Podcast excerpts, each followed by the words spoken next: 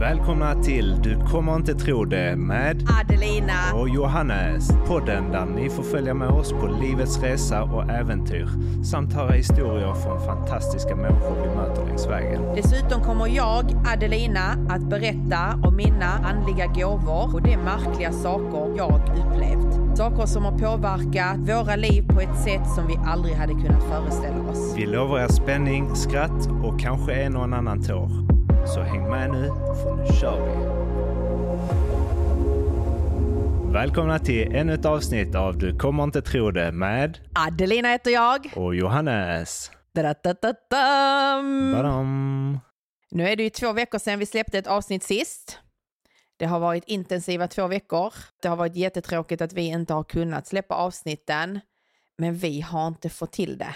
Nej, exakt. Det har bara inte känts rätt. Vi har satt oss, men det har varit stressigt och vi har inte haft feeling för det. Så vi har försökt, men det, det har inte gått, helt enkelt. Nej, och då har vi ju beslutat oss för att om vi inte har en feeling så släpper vi inga avsnitt. Och vi behövde nog denna lilla pausen. Men med det så har det ju också gått lite längre tid och hänt lite kul grejer. Så nu har vi ju extra mycket grejer att berätta om. Ja, och det som är det roliga, att det hänger ju lite ihop med det sista avsnittet som vi släppte. Ni kommer ihåg den mystiska personen som bjöd mig på en kebab? Han och jag har ju fortfarande en maktkamp där jag inte får bjuda tillbaka. Den sitter lite djupt i mig. Men jag kan säga så här. Kebabmannen, se det över axeln. Du vet aldrig när det kommer. Nej, det är skitroligt. Jag älskar ju folk som triggar igång mig på det sättet. För nu blir det ju lite en sport. Och han tror jag också triggas igång på det. För jag tror genuint att han kände de verkligen uppskattar detta. Ja men absolut. Och det gjorde honom glad. Ja men självklart. Den är jätterolig. Sen kommer ni ihåg den där speciella mäklaren jag pratade om som dyker upp rätt upp i facet när vi är på karnevalen. Han som även har dykt upp på olika ställen utan att han vet om att vi ska träffas, utan att vi känner varandra. Men du har ju iakttagit att han har varit på vissa restauranger som vi har suttit på och där jag har känt energierna och inte förstått vad det är med honom. Exakt. Honom kommer ni att få höra om lite längre fram i podden. För först, och det är också att catcha upp på förra avsnittet, för då sa du lite så här blygsamt om att ja, men eh, jag har målat några tavlor och det kommer lite kul grejer framåt. Och det gjorde det ju. Jag har haft min första vernissage och jag var jättenervös över detta. För det är ju fortfarande så, jag tycker min konst är jättefin. Men det är fortfarande så när man ska ställa ut och bli dömd av andra. Den var jag lite rädd över. Men jag fick en sån sjukt bra respons. Så jag var tvungen att vara ledig en vecka av allas energier. Och det var ju en häftig uppladdning för det. Du var ju nära och kollade på stället där du skulle ha det. Du trodde att det skulle vara bra, men det blev ju bättre än du hade föreställt dig. Du fick en skitbra plats. Det är ett riktigt häftigt ställe. Du fick ordentligt med space. Du tänkte dig typ fem tavlor, men du ställde ut vadå? 10, 11, 12? 12 tavlor ställde jag 12 ut. tavlor. Och inför det här så fick vi ju fixa en massa stativ och, och sätta tavlor på och hur vi skulle transportera. Så det har varit ganska my- mycket förberedelser inför det och då blir man ju extra så här. Det blir extra laddat. Ja. Kände inte du det? Jo, så kände jag, men då får vi inte glömma två dagar innan vernissagen så leker Chanel med en kompis vars föräldrar har varit här flera gånger och sett på mina tavlor. Mamman till Chanels kompis ser en av mina bästa målningar. Och när hon ser denna tavlan, då är hon så uppslukad av tavlan så hon vet ju inte var hon ska ta vägen. Ja, det var riktigt häftigt att se. Hon bara fastnar för den direkt. Nej men hon bara direkt fastnar för den och bara du vet när man hör wowet och det ekar i hela huvudet. Och det är också en av mina dyraste målningar. Och hon bara så, den ska vi ha. Och jag bara, eh. och, och för mig är det ju en jättestor ära att hon ska ha den i sitt hem. Så för mig betydde den försäljningen jättemycket. Och jag har ändå sålt över tio tavlor nu som hänger lite var som i världen. Det är så jag vill att folk ska känna när de ser mina målningar. För jag målar ju också på ett speciellt sätt. Det ska vi gå in på mer sen. Så jag blev ju trygg sen när vi skulle ställa ut tavlorna. Du och Tin är ju evigt tacksam. För Tin till exempel, han såg ju att jag höll på att tappa det några dagar innan och ville avboka alltihopa. Men Tin visste inte själv om det, men han lugnade ner mig så att jag kände mig trygg till att göra vernissagen med er. Snyggt. Och ja, du sträckte på dig lite extra efter det, efter Mm. hon ville ha din tavla. Och det är ju det som är lite häftigt. Alltså, konsten är ju skithäftig och det är kul när man får sålt saker och när man får bekräftelse av andra och så här. Men det som är lite extra häftigt, det är ju när man kan göra skillnad i någon annans liv och när man får en sån liksom uppskattning. Att du har ju faktiskt gjort skillnad för henne. Denna tavlan var ju så speciell så att hon ville ha den och hon ville till och med transportera den till Stockholm. Hon har redan tänkt ut en plats till den. Och den kommer ju liksom vara med deras familj i ett antal år framåt. Och de kommer att uppskatta den. Nej men det blev så rätt för henne. Det var sjukt. Och hon tog inte hem tavlan den dagen. Den fick stå med där på vernissagen. Och alla som såg mina tavlor, men speciellt den, var bara så wow, vad kostar den? Och jag bara så tyvärr den är såld. Och du vet, jag sa det med en stolthet att den Mm. var såld. Mm. För att jag är jättehedrad att den ska vara hos dem och jag kommer inte nämna hennes namn för att jag hoppas du lyssnar på detta och du ska veta att det är en ära att min tavla kommer vara i ert hem. För den är så magisk den tavlan. Ja, det är skithäftigt. Men eh, om vi går tillbaka till vernissagen. Morgonen. Vi har precis lastat av tavlorna, satt allting på plats. Du sätter dig ner i fåtöljen. Vad går igenom ditt huvud? Och jag är så nervös för det var ju ändå lite stressigt på morgonen. Jag som brukar gå till frisören och fixa mitt hår skulle ställa mig och fixa håret själv. Ja, oavsett om du har en Dyson för 7000 så blir du inte fin om du inte vet hur du använder skitet. Så du vet, Tin och du måste ha undrat vad fan jag höll på med. Men det blev ju bra. Det var ju lite kämpande bara. Ja, ja vi, vi säger så. Så jag var ju nervös och sen så hade jag ju precis också fått reda på att eh, vi skulle på några visningar dagen efter på att kolla på några hus. Och då fick jag reda på att det är samma mäklare som jag har en dragningskraft till som ska visa dem. Så jag skrev ju till han att eh, jag och min första vernissage, titta förbi om du kan och så skickar jag en pin. Och jag sitter ju där på soffan, klockan är 11 är den va, när det startade. Jag var skitnervös och bara så shit, det kommer inte komma en enda person.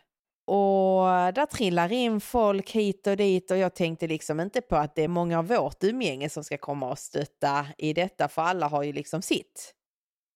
Och det var ju en vardag och mitt på dagen. Så det kan ju vara så att alla har jobb eller annat för sig. Därför hade jag inga stora förväntningar och så var jag nervös. Och precis, jag menar en liten stund efter så bara ser jag hur han kommer med sin kollega. Och du ser ju på mig att jag, jag vet ju inte vad jag ska ta vägen.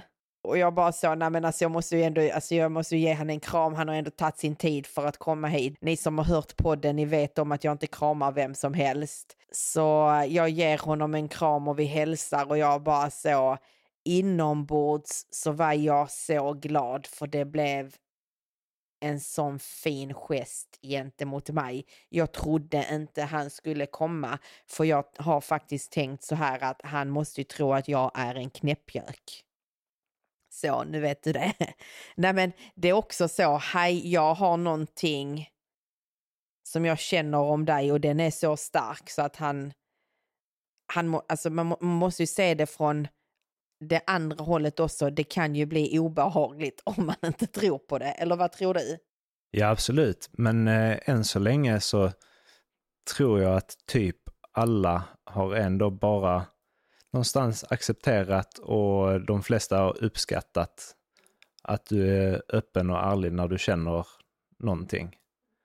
Han kom i alla fall dit. Vi pratade lite, skitroligt. Kebabmannen var dock för fin för att komma på min vernissage, men... Eh... Fast det bjöds inte på kebab, det bjöds bara på pepparkakor. Sen rullade den ena efter den andra av våra vänner in och bara stöttade mig. Vissa hade köpt blommor och alla bara var så blown away och vissa köpte tavlor av mig. Och det är också så, det är inte bara en som har fått wow-känslan utan alla som har gått hem med en tavla från mig får den där känslan där de säger är det så här det känns? Och den tycker jag är jätterolig. Det var flera där borta som eh, kom fram, lämnade sina nummer, ville göra specialbeställda tavlor via mig för jag förklarar att jag är jättespirituell. Jag känner grejer och i vissa fall vet jag vilka tavlorna handlar om och i vissa fall vet jag inte det. Men där visar sig saker i varje tavla jag målar. Och jag kan komma hem till er, känna av era energier, känna av hemmet och ni får välja färger och ut efter det så målar jag en tavla och så tar vi det därefter. Jag har fått fyra beställningar till det, så efter eh, nyår så har jag en del att göra. Och folk är jätteglada, jättepositiva och de tycker mina tavlor är magiska. Och för mig är det så bara, uh, what? Så känner jag. Och jag tror att vi som är nära omgivning, vi hade nog förväntat oss mer att du skulle få du vet, uppskattning och uppmärksamhet och så här. Jag tror att du hade svårare att se att det skulle bli så här bra. Men även för min del, alltså det trillar ju in den ena efter den andra. Jag kom ju dit och hjälpte till att fixa och så. Sen skulle jag egentligen sätta mig och jobba, men jag var ju kvar typ en timme för att det kom ju hela tiden folk dit och hälsa och ville prata lite och så här. Så jag, jag fastnade ju där. Så jag fick ju smita iväg. Men varje gång jag kom tillbaka och kollade läget så stod där ju någon ny som du berättade om tavlorna för eller som kom dit med blommor eller som bara kom förbi för att, för att kolla läget eller att köpa en tavla så här. Så det var ju hela tiden aktivitet. Men framför allt så tror jag att du blev tagen av den uppskattningen du fick. Ja men det, det blev jag ju. Kommer du ihåg tjejen från galan? Träffat en person från galan, klickat med henne, hon tog dit sin polare och kommer och stöttar mig. Alltså du vet, det, det blev så stort för mig och det, det är de enda som kom. För att just mäklaren och hon här tjejen ska jag berätta mer om. Det blev så stort och jag är så tacksam. Och hade det inte heller varit för att Tin peppar mig till att stå rakryggad och inte vara blyg så vet du att jag hade dött bakom soffan. Exakt. För det att jag står framför folk och är i centrum är jättesvårt för mig när det inte är på min arbetsplats. Men jag tror att sen så tog du också rollen där. Alltså du stod ju där i din gröna leopardmönstrade dress och bara sken. Så jag tror att du också intog din roll och bara Som konstnärinna, ja. Exakt. Nej, men jag kände det att nu Adelina måste du fucking get a grip. Sluta vara så blyg äg detta för du är grym. Eh, jag har folk som stöttar mig, vet du vad, rocka detta. Och det gjorde jag. Och jag är jätteglad. Om man vill se lite material på detta så kan man ju kolla såklart på din adelina.nikolic på Instagram. Kan man se lite på familjen Nikolic också kanske? Ja, vi kan börja dela. Mm. Och jag delar ju på mina sociala medier också givetvis. Det är jätte, jätteroligt och efter vernissagen så kraschar ju jag. För det blev så mycket känslor och intryck. Och det är som jag berättade om mäklaren, där är ju jättemycket känslor. Och jag tror att det är mycket känslor från hans sida också, där han börjar fatta att okej, okay, det är ju någonting. Att det är, det är inte en flummig tjej som kör någon typ raggningsreplik. Nej men jag vet inte hur jag ska säga det, alltså förstår du? Och... Om man får skoja till det lite. Nej men det kan ju också vara, alltså det, det är många som säger hej du, jag känner grejer. Och sen är det faktiskt många som inte känner grejer. Och varje gång där det faktiskt stämmer och folk runt omkring som sitter och tittar på mig när jag säger grejerna, då, ni blir ju också förbluffade att hur kan detta hända? Och honom har vi. Men sen får vi inte glömma tjejen, tänker droppa en bomb, tjejen som eh, var på eh, galamiddagen har jag ju försökt få en dejt med. Och det är ju för att jag känner grejer om henne och lite om hennes familj. Och vi har inte fått ihop det och nu eh, fick vi ihop det och jag valde att innan hon skulle gå så droppade jag ju en grej. Och jag vet inte om du såg det, så nästan börjar hon ju gråta och blev så paff över vad jag sa till henne. Och det är ju för att jag sa till henne en grej som är för mig egentligen helt omöjlig att veta om det inte är så att man är i, alltså att om man är bästa vänner, för det är inget sånt man pratar om. Så hon blev ju nog lite chockad. Jag märkte det. Jag tror att vi kommer att kunna catcha upp på den också senare och följa upp. Jag tror att ni kommer att få till en dejt. Men det vi också ska följa upp på, det är ju han här killen. Han som vi kallar för mäklaren. För vi hade ju en lunch med honom häromdagen. Och den var ju helt spontan, ingenting planerat. Vi sitter där, eh, ska precis få in maten. Och så droppar du en bomb. Över att har du lyssnat på förra poddavsnittet eh, och jag vill egentligen inte gå in på det för det satt ju en annan person också där. Och jag, ska jag säga någonting så vill jag ju att det är personligt mellan oss två för att det blir lätt att folk öppnar upp sig för mig jättemycket. Och då vill jag att de ska veta att jag har ett sekretessavtal alltid påskrivet som är osynligt mellan mig och den personen som jag pratar. Sen kan jag givetvis bolla idéer med dig och prata med dig om, men jag menar allt säger jag inte till dig för att det, det känns som att jag bedrar de personerna. Och eh, nu blev det ju bara, det blev bara så spontant där jag började med lyssna du på podden där jag pratade om dig och kebabkillen och eh, där sa jag ju, där kom vi fram till att det jag känner det är att det finns en fasad och en sorg. Och sen börjar han öppna upp sig. Den andra personen har vetat att jag är absolut spirituell, men han dog ju också. Alltså jag tror han tappar hakan totalt. Ja. Han bara satt där och Men du då? Men du då? Ja men det var så spot on. Jag vet inte om vi ska vänta med detaljerna. Ja, vi kommer vänta med detaljerna, Ja. för jag vill faktiskt att han ska vara med. För att jag vill höra hur han kände det. Och det kommer vara sjukt spännande. Men mer eller mindre så när du släppte detta, då öppnar han upp sig totalt och börjar att berätta saker. Och sen efter fem minuter ungefär så kommer han på sig själv. Och han bara, ja alltså jag brukar ju aldrig berätta saker. Har du funderat på att bli terapeut, psykolog? Ja, eller sånt man pratar med. Och då sa jag, när han säger det så blir jag bara, du är inte den första som säger det. Och då berättar jag för honom, du, vet du vad? Igår målade jag två tavlor och nu är jag definitivt hundra på att du är en av mina tavlor. För den, den ena vet jag, den andra var jag lite kluven för att jag har dragningskraft till honom och till en annan offentlig person som jag inte känner, men jag känner hennes familjemedlemmar. Så jag, du vet, det har varit mycket känslor, men jag visste att den tavlan som inte var min väns, att den är en kille.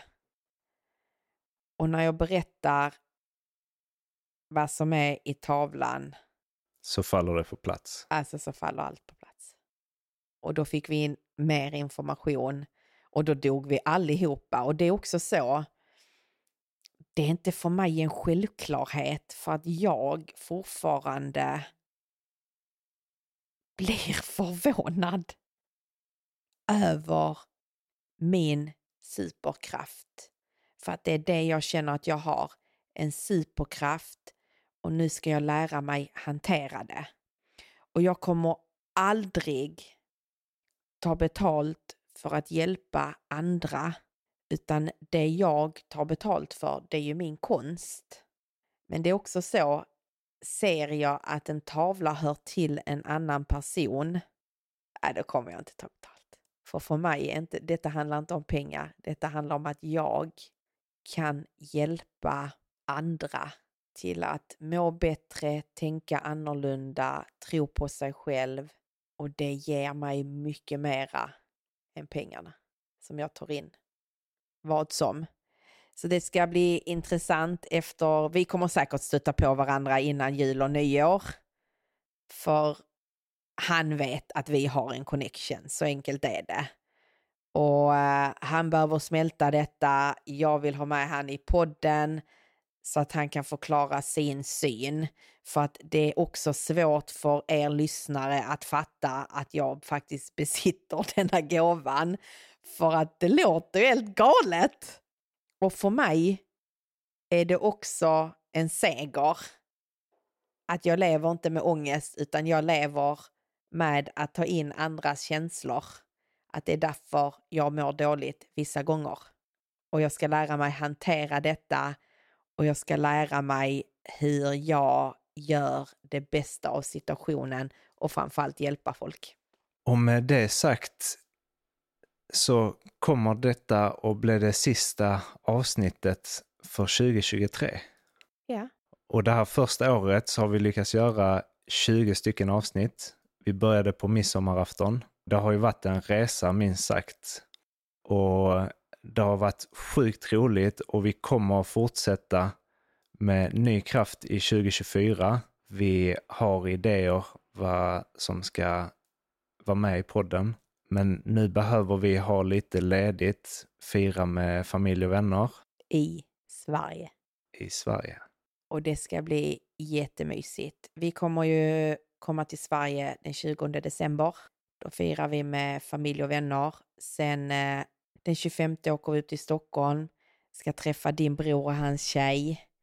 Däremellan ska vi få tid att träffa Dragomir, kanske Ali och bara vara med folk som tror på oss, gillar oss, vi gillar dem och alla stöttar alla. För 2024 kommer att bli ett fett år och de som är missunnsamma i vår omgivning, de kommer ryka. Så med det sagt önskar jag alla god jul och ett riktigt gott, gott nytt år. år. Puss och kram. Ta hand om varandra.